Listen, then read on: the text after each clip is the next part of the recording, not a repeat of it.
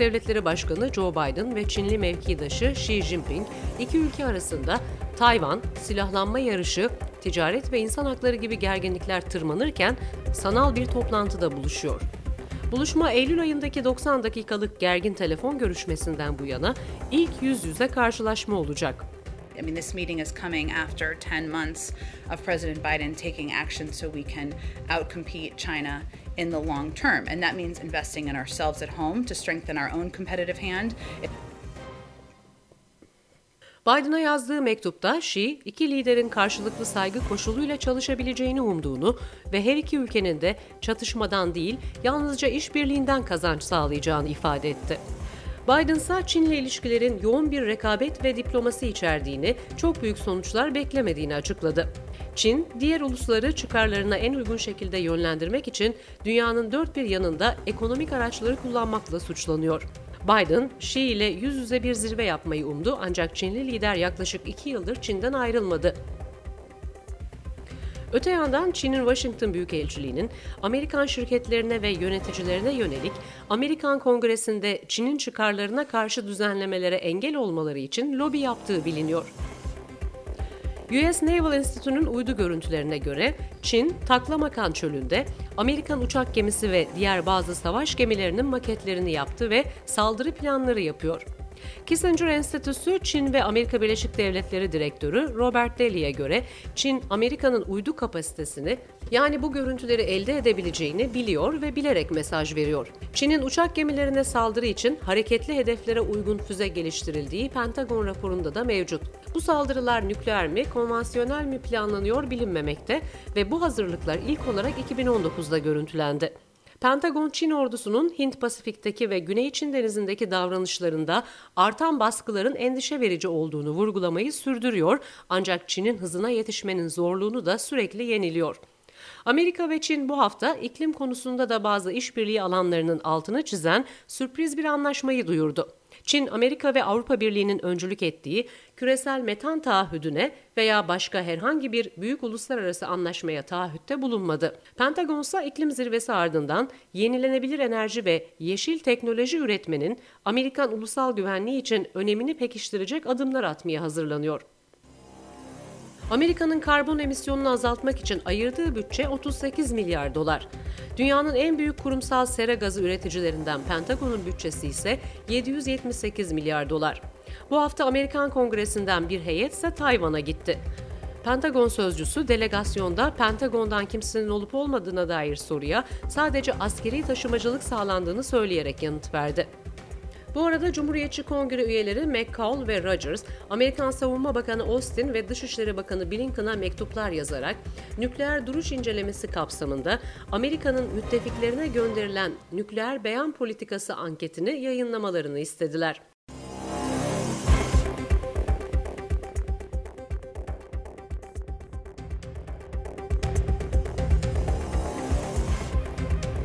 Amerika Birleşik Devletleri Başkanı Joe Biden'la Çin Devlet Başkanı Jinping'in görüşmesini Süleyman Demirel Üniversitesi Asya Pasifik Araştırmaları Merkezi Direktörü Doktor Ümit Alperen'le konuşacağız.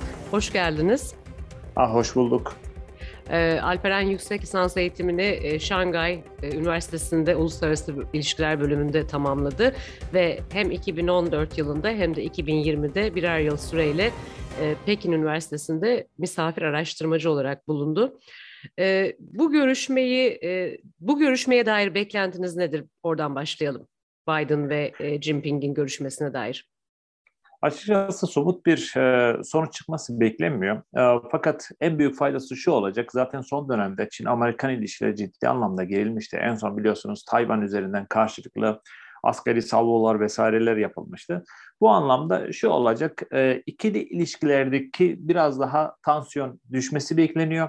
Ve bu tansiyonun düşmesiyle birlikte de biraz daha iki hem ikili ilişkilerde hem de e, Doğu Asya'da ve Güneydoğu Doğu Asya'da taraflar arasındaki tansiyonun düşmesi ve yumuşaması bekleniyor. Açıkçası hani çok somut bir e, sonucunun olması da e, şu an için e, çok böyle bir beklentiye girmekte çok da gerçekçi değil.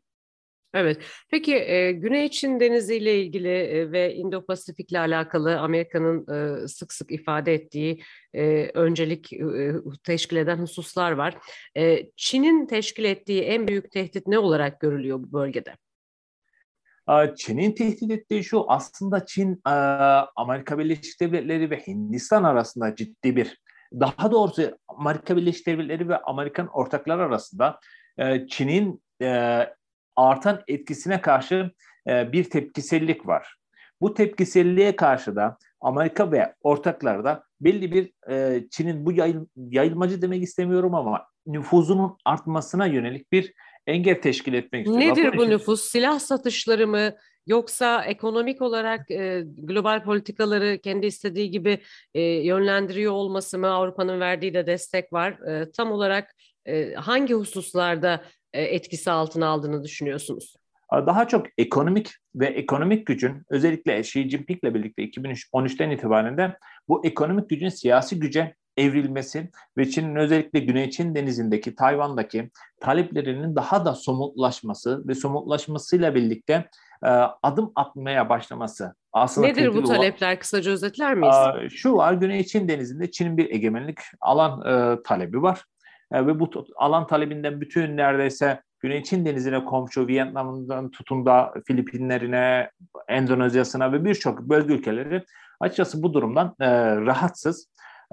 Çünkü Çin'in de burada biraz daha Güney Çin denizindeki talepleri daha çok böyle maksimalist talepler.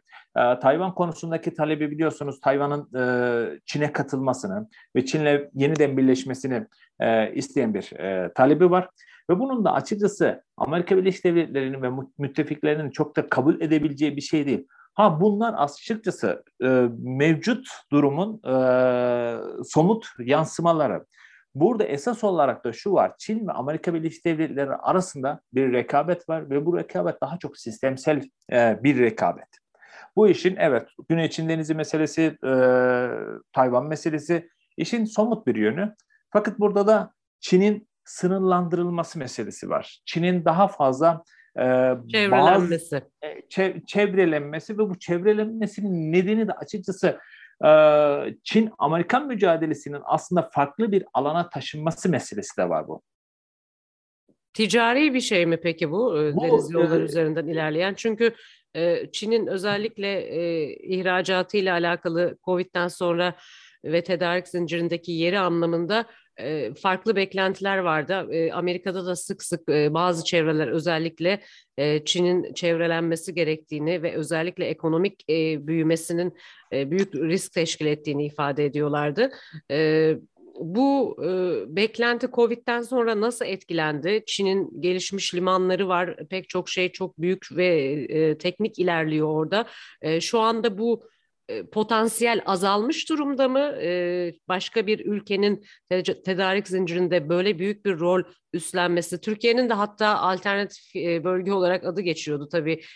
büyüklük, ülke nüfus, ekonomik durum çok farklı ama nasıl yorumlarsınız? Çin'in iki özelliği var. Çin aynı zamanda çok büyük bir pazar. Bu hep çok gözden kaçan bir şey. Yani iPhone için ya da e, Amerika, e, Alman otomobil firmalar için Çin çok büyük bir pazar ve gözden kaçırılmaması ve dünyanın en çok tüketen toplumu olma yönünde bir e, ilerlemesi var. Çünkü 300-400 milyonluk bir e, ciddi anlamda zengin bir nüfustan bahsediyoruz. Gelir dağılımı yanı, nasıl peki bu nüfus içerisinde? A, gelir dağılım kişi başına düşen gelir 10 milyon 10 bin dolar civarında.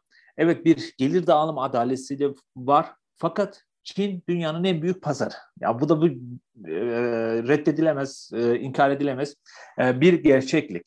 Ve buradan da özellikle e, Batı merkezli büyük şirketlerin e, buradan vazgeçebilmesi çok mümkün değil. Yani dikkat edin, e, Covid sonrası özellikle 2020'nin ortalarından itibaren Çin'den ayrılan dış yatırım, e, Çin'den ayrılan yabancı yatırımların da yerleştiği bölgeler aslında Çin'in çevresi Endonezya'dır, Hindistan'dır, e, Vietnam'dır. Bu ülkeler çünkü buradaki nüfus yoğunluğu çok fazla ve ekonomik gelişim ve ekonomik dinamizm de burada çok fazla.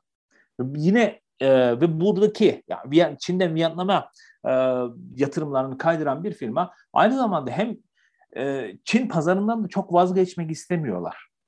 Böyle bir gerçeklik var. Evet. Bun, bu, bunun yanı sıra biz hep Çin'i dünyanın fabrikası olarak gördük. Evet bu gerçeklik.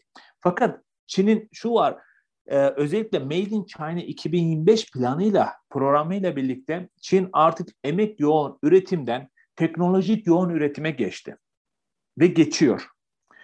Şu var dünyanın 5G dediğimizde aklımıza Çin geliyor, Huawei geliyor ya da yapay zeka dediğimizde aklımıza Çin geliyor. Bunun yanı sıra yani yüksek teknolojinin yanı sıra kurum Çin'in e, uluslararası ekonomik e, ekonomi anlamda da kurumsallaşmaları var. Asya Altyapı Yatırım Bankası'ndan tutun işte İpek Yolu Fonu vesaire gibi ya da e, Kuşak Yol girişimi gibi e, girişimleri var. Ve bu ciddi anlamda bizim sadece bir ticaret olarak anlasak da aslında Çin-Amerika ilişkilerindeki sorunu sadece ticaret değil ya da ticaret açığı değil. Bu ticaretin Amerika... getirdiği büyümeyi de e, savaş teknolojilerine de yatırıyor. Savunma teknolojilerine, Aa, saldırı şu, teknolojilerine. E, şu var, buna yatırması aslında Çin'in dezavantajına. Fakat bundan daha çok şu var. Geleceğe yönelik bir planlama, programlama var ve geleceğin süper güçleri ya da büyük güçler arasındaki rekabetin nasıl olacağını da bize gösteriyor. Bu şu yani e, sizin e, herhangi bir ürün evet bir tekstil ürün basit bir tekstil ürünüyle mücadele ya da kazandığınız parayla mücadele değil ne kadar teknoloji üretebiliyorsunuz ve ürettiğiniz teknolojinin ne kadar yüksek seviyelerde olduğu ve büyük güçler arasındaki rekabetin de aslında bu temelde olacağı ve ilerideki yani dünyanın ekonomik yapısı da dönüşürken yeni kurallar kim koyacak? Yani biliyorsunuz şu anki e, ulus, mevcut uluslararası sistemdeki kurallar İkinci Dünya Savaşı sonrası ABD'nin ortaya koyduğu kurallar. Ekonomisinden tutun, uluslararası ilişkilerinden, uluslararası hukukundan vesaire vesaire. Bu temelde e, şekilleniyor. Fakat yeni e, dönemde kim en çok teknolojiyi üretecek? Özellikle yapay zeka, ve buna teknolojik ekonomi dönemi de e, deniliyor açıkçası. Yeni yeni tartışılmaya başlanan şey. Ve dolayısıyla sizin emek yoğun üretimden daha ziyade evet bu önemini koruyacak. Fakat esas olarak yüksek teknoloji ve bu yüksek teknolojinin getirdiği avantajlar ki jeopolitik rekabette evet bu önemini koruyacak. Ha bu önemi çok kaybedecek diyenler de var fakat ben koruyacağını düşünenlerdenim. Ama bu te- teknolojiyle birlikte ilerleyecek. Yani Huawei'den niçin e, Batı ve Amerika Birleşik Devletleri bu kadar rahatsız oluyor? E, işte, Büyük bir veri tabanı oluşturuyor tabii. evet, Hakimiyet sağlıyor. Aynı Facebook'un olduğu gibi. Kesinlikle. Yani kesinlikle zaten iş de buradan kilitleniyor. Yoksa ticaret açısından değil e, Amerika Birleşik Devletleri Huawei telefonlarını, Xiaomi, Çin e, merkezi telefonları, markalı telefon evet alır bunu. Hiçbir sorun yok. Ve ticaret açınız da çok önemli değil. Ama kuralı kim koyacak? Evet. Ee, bu hipersonik füzelerle alakalı Pentagon'un da son Çin raporunda var. Her fırsatta e, dile de getiriyor e, Pentagon bunu. E, Çin'le rekabette yeterli yatırımı Amerika'nın yapmadığı açıklanıyor ve e, Çin'in bu kadar hızlı ilerlemesine e, bazen hayretler içerisinde kaldıklarını ifade ediyorlar ama bir taraftan da beklenen bir şeydi bu. E, diğer yönden e, kongre içerisinde yönetim sıkıştırılıyor. Nükleer silahlanma ile ilgili işbirliği yapılan ülkelerden tutun da işte başka ülkelere kadar bir fotoğraf verilmesi isteniyor, açıklama yapılması isteniyor yönetimden. Çin'in bu noktada hem bu ileri teknolojileri hızlı ilerletmesi hem bu yatırımı buraya yapması Amerika'nın Çin'le herhangi bir savaşa bu açıdan hazır olmadığı söyleniyor. Çin hazır mı peki? Çin hazır mı? Aslında şuna bakmak lazım. Ee, Amerika eski bir güç. Çin yeni yükselen bir güç. Yeni döneme baktığımız zaman. Çünkü Soğuk Savaşı Sovyetlerle birlikte yaşamış ve Sovyetlerle bu e, iki büyük güç rekabetini tecrübe etmiş bir güç. Çin ise yeni yükselen bir güç. Ve Çin'in esas gücü nereden geliyordu? Çin'in esas gücü basitçe söylemek gerekirse Amerika'nın kötü olmasına, tırnak içinde söylüyorum, kötü olmasından kaynaklanıyordu.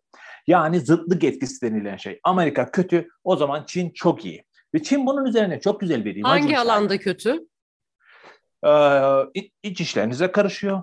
İşgalci bir güç. Afganistan'da, Irak'ta işgalci bir güç. Askeri yatırımlarını yapıyor. Ee, ülkelerin yani bu anlamda bir şey. Ama Çin nasıl bir güç?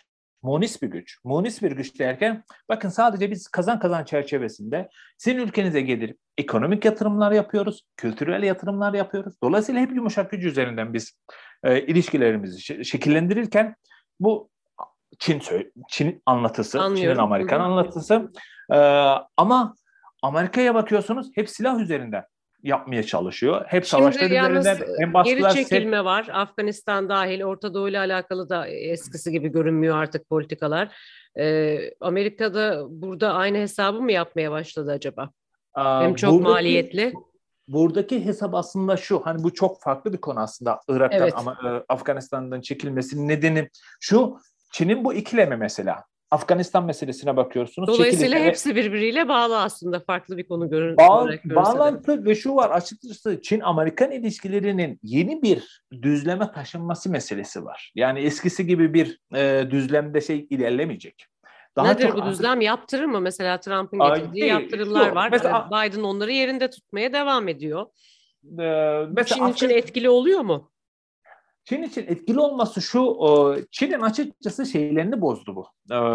Davranış kalıplarını bozdu. Çin'in soğukkanlılığını koruyamamasına neden oldu baskılar. Eğer Çin hala ısrarla ki bunu başta yapıyordu özellikle Şii yönetimi 2017-2018'lerde Trump'ın baskılarına rağmen açık pazar söylemi, daha çok işte liberalleşme söylemi, pazarlarımızı açalım vesaire gibi. Fakat Çin'in kopma noktası şu oldu. Hong Kong meselesi, Uygur insan hakları sorunu, Tayvan konusundan Amerika'nın baskıları, yaptırımları ve Çin'in ee, Çin'de daha... bir yara açabildi mi bu yaptırımlar? Çin'in içerisindeki ekonomi nasıl? Siz diyorsunuz e, milli gelir böyle e, işte bir takım yolsuzlukla mücadele politikaları e, biliniyor. Diğer taraftan işte eşit zenginleşme gibi hedefler vesaire var. Ama bu yaptırımların orayı zorladığı alanlar var mı? Nelerdir varsa? Bu, bu, bu yaptırımların zorladığı şu var. Aslında Çin'de evet yeni bir normalleşme süreci yaşanıyordu. Ekonomide yeni normal süreci yaşanıyordu. Yani Çin'in her zaman yüzde yedi, yüzde sekiz büyümesi beklenmiyordu. Bu normal bir şey de değil. Belli bir yavaşlama bekleniyordu. Fakat bahsettiğim konu Çin'in evet iç ekonomik sorunları var, pahalılaşma var biliyorsunuz emlak sektöründe yaşanan sıkıntı sıkıntılar var. Fakat Çin'in hani Amerika Birleşik Devletleri rekabetindeki esas sorun Çin'in uluslararası imajının kötüleşmesi meselesi. Yani Çin'in özellikle savaşçı kurt diplomasisi bu ciddi anlamda bir e, imaj zedelenmesiydi. Hindistan'la sınır çatışması yaşaması ya da Tayvan'da askeri güç 57-58 tane uçak hava aracıyla aynı anda e, hava savunmasını, hava savunma bölgesini e, ihlal etmesi. Aslında baktığınız zaman bunlar Çin'in evet bir güç gösterisi gibi görünse ama Çin'in esas e, uluslararası alandaki gücünü de zedeleyen bir şeydi. Ve çünkü Çin'in imajı farklı bir imajdı. Ama Çin... diğer taraftan da sözünüzü kesiyorum. Amerika'nın e, ilk kez askeri eğitimi e, Tayvanlı yetkililerce dile getirildi geçtiğimiz haftalarda. E, tabii bu da e, ayrı bir tarafı işin. E, buradaki e, görüşmeden sonra siz daha bir normalleşme olur, tansiyon düşer dediniz. Burada bir gerilim daha fazla beklenmiyor mu? Buradaki gerilim şu devam edecek. Fakat benim beklentim yani seviyenin düşmesi şu. Rekabet Çin-Amerikan ilişkileri normalde baktığınız zaman geleneksel olarak rekabetsel işbirliği çerçevesinde ilerleyen bir ilişki vardı. Fakat artık işbirliği meselesi neredeyse işbirliği bölümü hiç kalmadı. Hep rekabet ve bu rekabetin e, genel olarak alışılmış alışılmış bir esnekliği vardı. Yani çeşitli kriz dönemleri olurdu Çin-Amerikan ilişkilerinde. Fakat bu esneklik o kadar te- çok fazla test edilmeye başlandı ki ve aralarındaki ip o kadar gerilmeye başladı ki kopma noktasına geldi aslında Tayvan'la birlikte. Tayvan meselesi de baktığınız zaman aslında bölgesel gelişmelerin bir yansıması. Tayvan üzerinden bu e, gerilim daha çok görünür oldu. Daha fazla evet, gör- evet. Peki Amerika'nın oradaki diğer müttefikleri var bölgede. Ee, onlarla ilişkilerinde nasıl bir dış politika hedefi var? Hindistan'la ilgili biraz değinmiş olduk. Japonya var yine benzer şekilde. Ee, nasıl? E, aslında Kuat üzerinden bir e, hı hı. Amerikan bölgesi yani yerel e, müttefikleriyle bir işbirliği ve savunma savunma e, ortak savunma geliştirmeye çalışıyor. Fakat bu ne kadar ileri gider?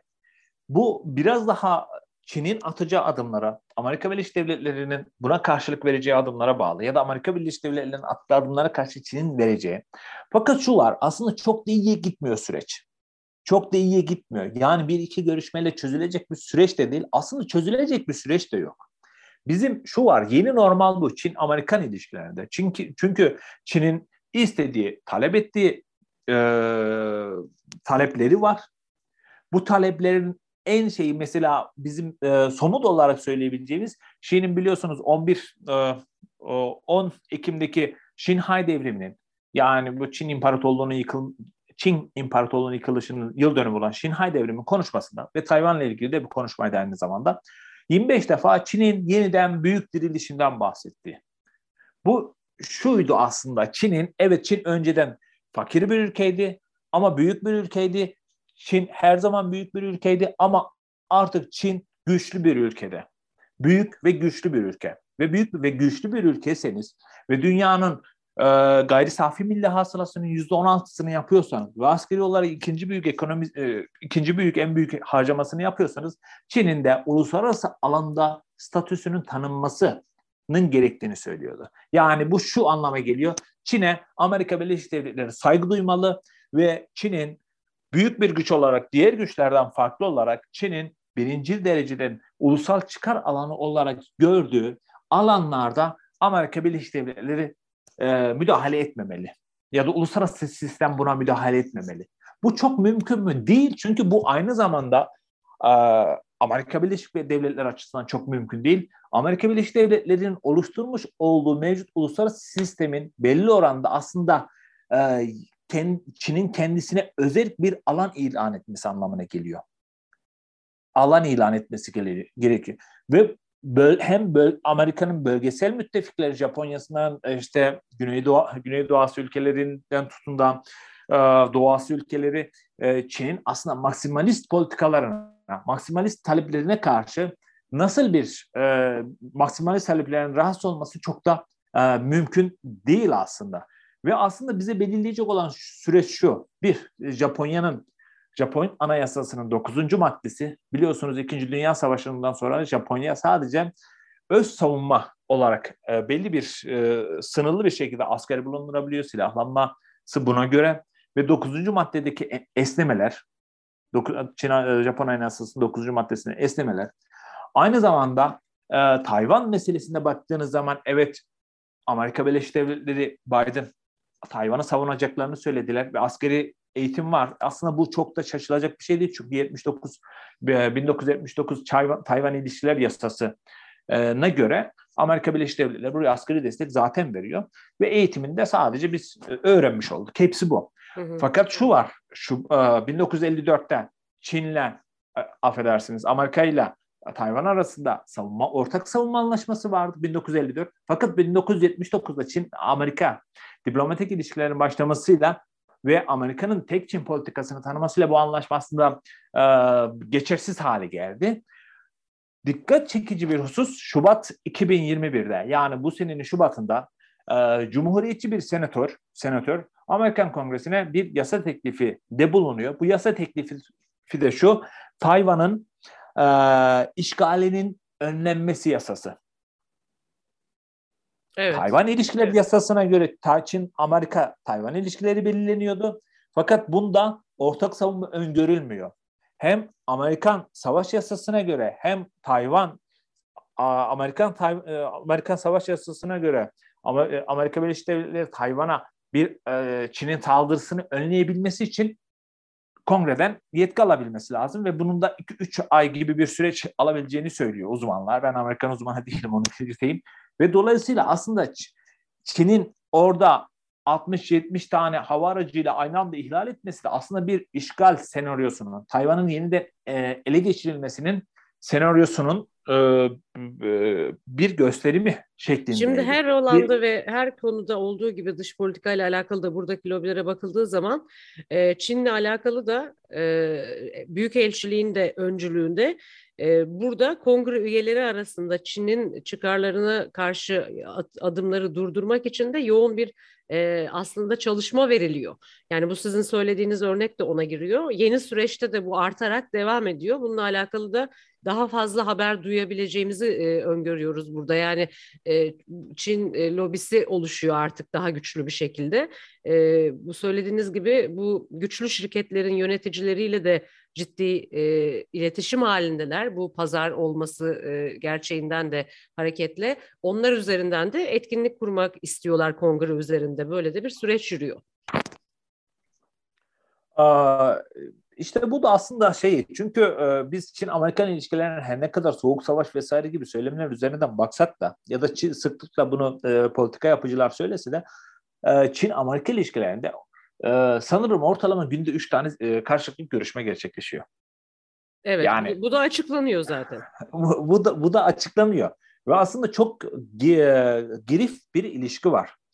Yani savaş çıkar mı çıkmaz mı ya da dediğimizde aslında çıkmayacağını çok basit ya da çıksa bile bunun sınırlı bir savaş olacağını tabii ne olacağı ya da dünyada aslında gelişmeler çok hızlı e, oluyor. E, fakat sınırlı bir savaş çıkacağını söylememizin nedeni de bu. İlişkiler çok girifti. Bu yeni bir süreçte değil aslında. 1979'dan beri, 71'den beri başlayan bir sürecin bir e, sonucu. Fakat ilişkilerin farklı bir e, süreci farklı bir düzleme geçmesi de bu da bir gerçeklik. Ee, evet Çin'in Çin için lobi yapan faaliyetler var. Fakat Çin aleyhine de bir o kadar lobi yapan e, Elbette Amerika'nın kendi içerisinde e, çok ciddi muhalefet var. E, bu tabii gör, görülüyor. Gerekçeleri de gayet Amerikan toplumuna açıklandığı zaman etkili olabilecek şekilde prezente ediliyor. Biraz Çin'le alakalı başka detayları sorarak yavaş yavaş kapatmak istiyorum.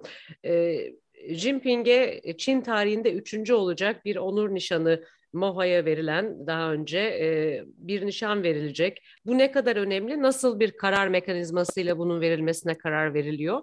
Görevde kalma süresini etkileyen bir durum mu? E, ve e, bunlarla başlayalım. Devamında soracağım belki açıklayacaksınız zaten. Şii'nin iktidarda kalması aslında yeni bir dönem. Çünkü Deng Xiaoping'den itibaren, 1978'den itibaren Çin'in liderliği Mao'dan sonra yani Mao'dan sonra Çin'in liderliği kolektif bir liderlik sistemine oturdu. Bu da genellikle 10 yıl 5 artı 5 şeklinde e, e, başkanlar ülkeyi yönetiyordu. Fakat Xi ile birlikte 2018 e, sanırım 2018'de Çin'in e, başkanlık süresi sınırsız hale getirildi. E, bunun Xi'nin aslında nasıl gücünü konsolide ettiğiyle, güçlendirdiğiyle alakalı e, bir e, durum. Özellikle bu yolsuzlukla mücadele çerçevesinde evet Çin, Çin buradan ciddi anlamda halktan destek aldı. E, e, ama bunun yanı sıra da Bo Xilai gibi çok güçlü bir lideri de ya da e, e, bunun gibi birçok lideri de Kaplan Çin Çin'in Çin politik literatüründe Kaplan dedikleri liderleri de e, diskalifiye e, etti. Şii iktidara geldiğinden itibaren kendisini transformasyonel lider olarak tanımladı. Yani dönüşümcü liderlik ve Çin'in artık belli bir güçlü bir ülke büyük ve güçlü bir ülke haline geldiğini ve ekonomik temelli dış politikasının değişmesi gerektiğini e, savunan bir e, liderdi. Yani kapsamlı güç olmaya yönelik bir e, ülke. Daha önce ekonomik büyük ekonomik büyük bir güçtü ama artık kapsamlı e, politikadan asker, e, askeriye, e, ekonomiye her alanda güçlü bir e, ülke. Ve dolayısıyla Çin'in aslında Tayvan gibi, Güney Çin Denizi gibi işte Uygur bölgesindeki sorunlar, Tibet bölgesindeki sorunlarında çözülmesi gerektiğini ve bu şekilde de aynı zamanda Çin rüyasının, Çin rüyasının ya da Çin'in yeniden büyük güç oluşunun, Çin'in yeniden büyük dirilişinin gerçekleşmesi için de liderliğin e, en azından belli bir süre süresiz hale getirilmesi, liderlik süresinin kaldırılmasıyla e, alakalı alaydı. Çünkü Şi'nin burada en çok kullandığı kavramlardan bir tanesinin dere geçer e, dere geçerken at değiştirilmezdi. Yani güçlü bir liderliğe ihtiyaç var. Güçlü bir liderliğe ihtiyacı için de benim görevimin süresiz hale getirilmesi. Ve Şi her geçen gün evet gücünü konsolide ediyor, güç pozisyonunu güçlendiriyor. Bunu yaparken de aslında baktığınız zaman Şi'nin bir e, şunu da görüyoruz. Mao'dan sonra en güçlü ikinci lider olma hedefi var. İkinci lider olma hedefi var. Peki Sadece kendisine bu... karşı e, hem parti içinde hem partinin temel e, karar alıcı küçük grup arasında belli ki zaten her şey yolunda gidiyor gibi ama e, yine de e, bir e, muhalefet de var mı Çin'de? Şu var Çin kapalı bir ülke ve bütün medyası evet devlet kontrolünde olan bir ülkeden bahsediyoruz ve parti ciddi anlamda sıkı bir örgütlenme içerisinde olan bir parti ve dolayısıyla aslında sadece bazı sızıntılar oluyor partiden liderlik konusunda. Ee, önceden daha çok oluyordu aslında Şii öncesi. Çünkü daha çok parçalı bir yapıydı. Farklı gruplar vardı, prensler vardı, e, gençlik liği vardı. Ama artık Şii'nin tek lider ve ciddi anlamda tek liderlik durum pozisyonunu e, güçlendirmesiyle birlikte aslında bu tür sızıntılar da çok da ortaya çıkmıyor. Çıksa da bunlar daha çok spekülasyon e, e, seviyesinde e, kalıyor. Fakat Çin'in ik- ikilemde olduğu sorun şu. Aslında Çin'in dış politikasındaki bu agresifliğin bir nedeni de bu. Ya da agresiflik seviyesinin artmasının nedeni de bu. Ee, bu da şu. Xi evet kendisini trans- transformasyonel bir lider ilan ediyor. Dönüşücü bir lider olarak tanımladı. Ve bunun içinde Çin kam iç, iç kamuoyuna da bir şeyler göstermek zorunda. Çin'in güçlü bir ülke olduğunu göstermek zorunda. Bunu Tayvan'da evet. yapacak, Hindistan'da yapacak, Çin Denizi'nde yapacak, Çin-Amerikan ilişkilerinde yapacak. Aslında gerilimin bu seviyeye çıkması nedeni evet Amerika'nın küresel hegemonyasına e, hegemonyasının zarar görmesi nedeniyle ABD'nin bir tepkiselliği ve politik değişimlerinde sertleşmesi var ama bunun bir açıdan da Çin'in mevcut gücünü kanıtlamaya yani Şii'nin de mevcut gücünü kanıtlaması için e, yaptığı eylemlerin bir sonucu bu da bir de. Evet. Ee, peki e, son olarak e, görüşme pazartesi günü gerçekleşecek. E, buradan e, çok büyük bir beklenti olmadığını Beyaz Saray da açıkladı. E, Çin'deki e, gidişat da bu şekilde. E, global olarak e, Çin'in bütün bu ekonomik hegemonyası, pa, büyük pazar olması, Avrupa'nın verdiği e, avantajlar, belki de tavizler bunlara baktığınız zaman e, diğer ülkelerle ilişkilerine dair çok kısa ne söylersiniz? Çin'in diğer ülkelerle ilişkileri aslında özellikle kuşak yol girişimi çerçevesinde evet ekonomik temelli olarak ilerliyor. Ya Çin'in periferisi dışındaki ülkelerle özellikle daha çok ekonomik temelli ve Çin'in buradaki ekonomik temelli ilerlemesinin bir şeyi de aslında Çin-Amerikan ilişkilerini girift hale getiren bir diğer neden de bu. Çin'in küre, ABD'nin küresel he, yani hegemonik istikrarın altında bir e, ekonomik ilişki geliştirmesi ve mevcut sistem içerisinde bir ilişki geliştirmesi e, var. Yani daha çok işte İngilizcesi free riding dedikleri ya da Türkçesi beleşçi. Çin'in beleşçi bir pozisyonu da var. Yani küresel yönetişime ve küresel evet. güvenliğe katkısı baktığınız zaman e, ekonomik büyüklüğüyle büyüklüğüne oranla çok düşük hala. Çok çok düşük. Evet. Ama örne e, ve dolayısıyla Dolayısıyla bu çerçevede bir ilişki geliştiriliyor. Fakat şu var, Çin'in aslında agresifleşmesi ve uluslararası imajının yani Çin ile Amerika Birleşik Devletleri arasındaki silahlanma yarışı ve bu durum Çin'in uluslararası imajını da ister istemez e, zedeliyor.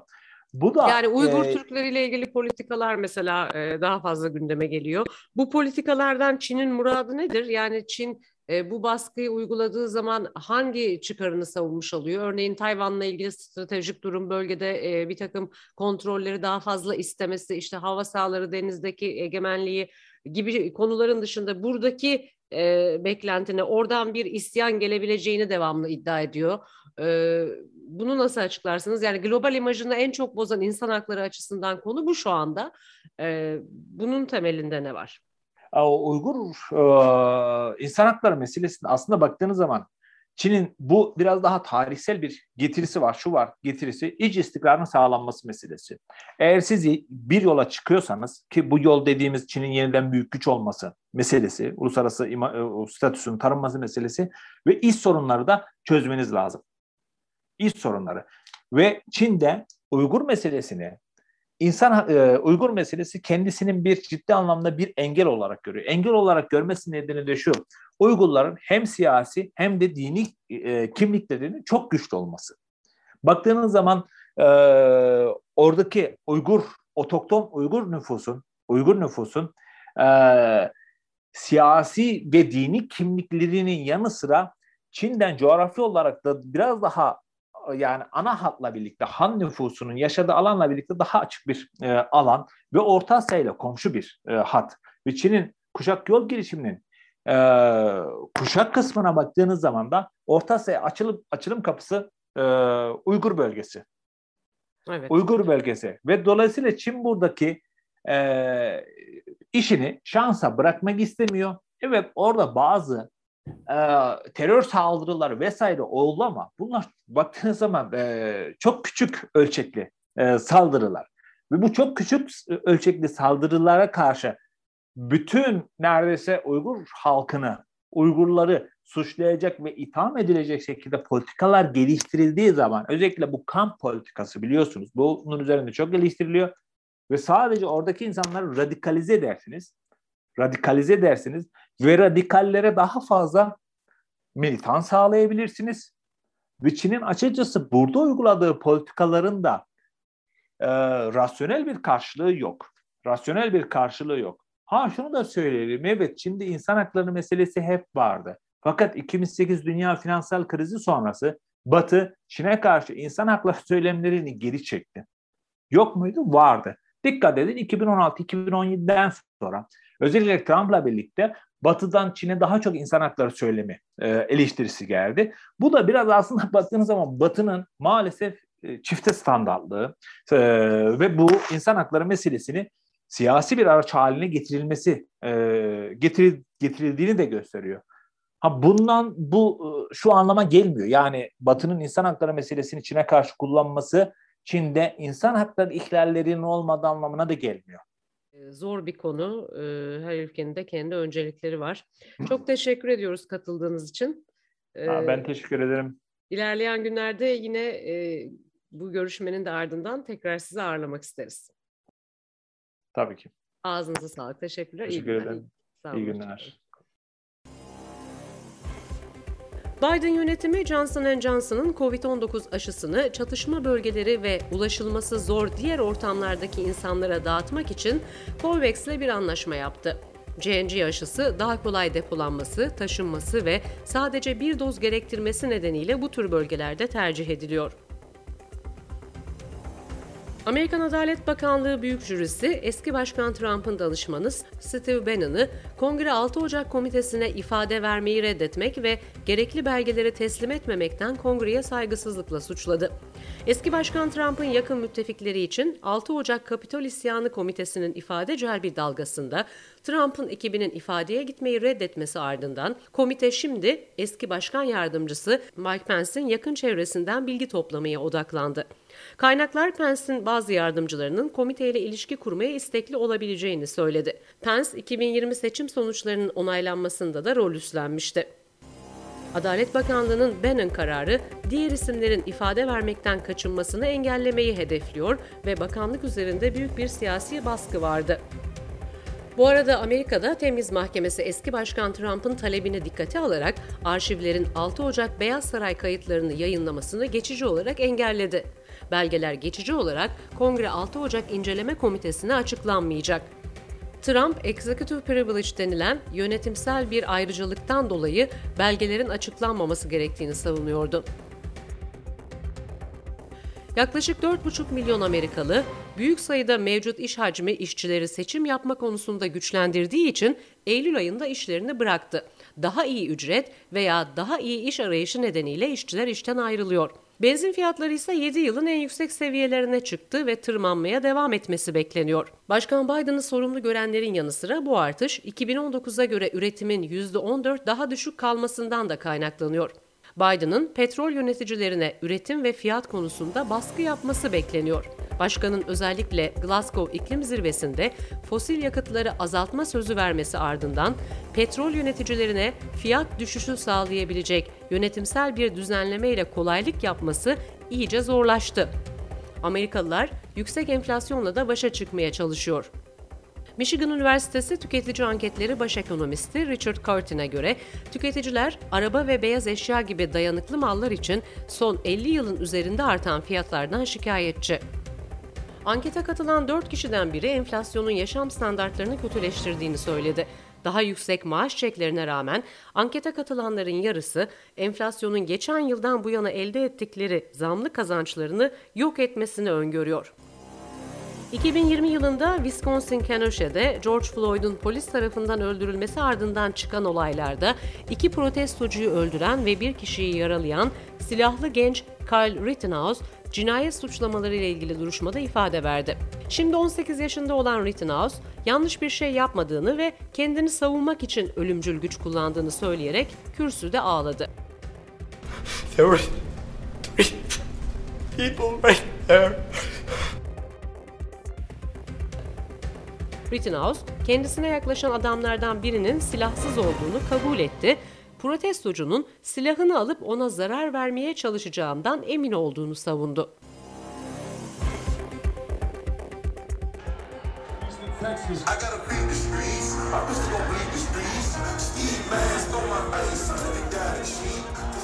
Houston, Texas'ta konser organizatörlerinin başı dertte. Houston'da bir önceki cuma Astra World Festivali'ne katılan konser izleyicilerinden yaşları 14 ile 27 arasında değişen 9 kişi kalabalıkta ezilerek öldü.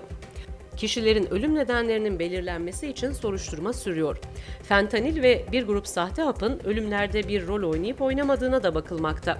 Houston Profesyonel İtfaiyeciler Derneği Başkanı, istasyonu alana en yakın olan bölge itfaiye şefinin konser sabahı mekana uğradığını ancak güvenliklerce iki kez erişiminin reddedildiğini açıkladı.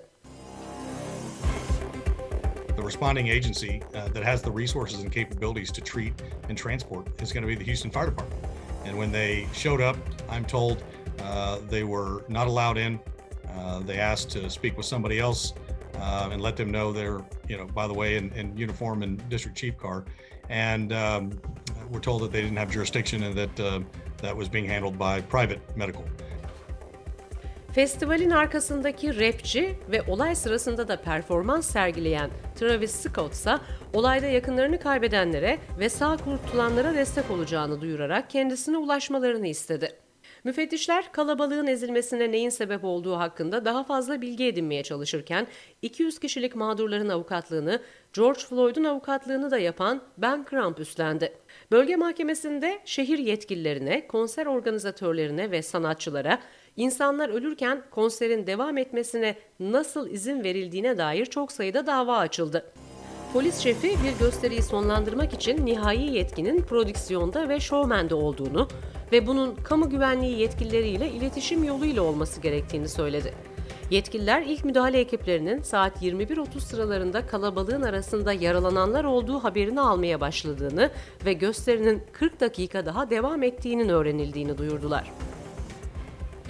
Britney Spears nihayet özgür. Cuma günü bir Los Angeles yargıcı Britney Spears'ın hayatını ve parasını yaklaşık 14 yıldır kontrol eden vesayet kararına son verdi. Karar, Spears'ın vesayetinin sona erdirilmesini, kendi avukatını tutmasını, babasının görevden alınmasını sağlayan ilk sürecin ardından nihayet 2008'den beri ilk kez kendi tıbbi, finansal ve kişisel kararlarını verme özgürlüğünü kazanmasını sağladı.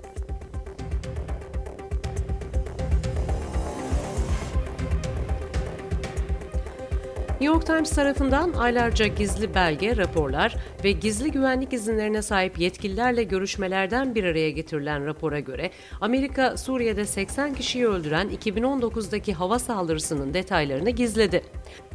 New York Times bulguları Suriye'deki hava savaşını denetleyen Merkez Kuvvetleri Komutanlığı'na gönderdikten sonra komutanlık 80 kişinin öldürüldüğünü ancak saldırıların haklı olduğunu söyleyerek ilk kez kabul etti. Bombaların 16 savaşçı ve 4 sivili öldürdüğü kaydedildi. Açıklamada öldürülen diğer 60 kişiyle ilgili DAEŞ'te kısmen kadın ve çocukların da silahlı olabildikleri gerekçesiyle sivil olup olmadıklarının net olmadığı belirtildi.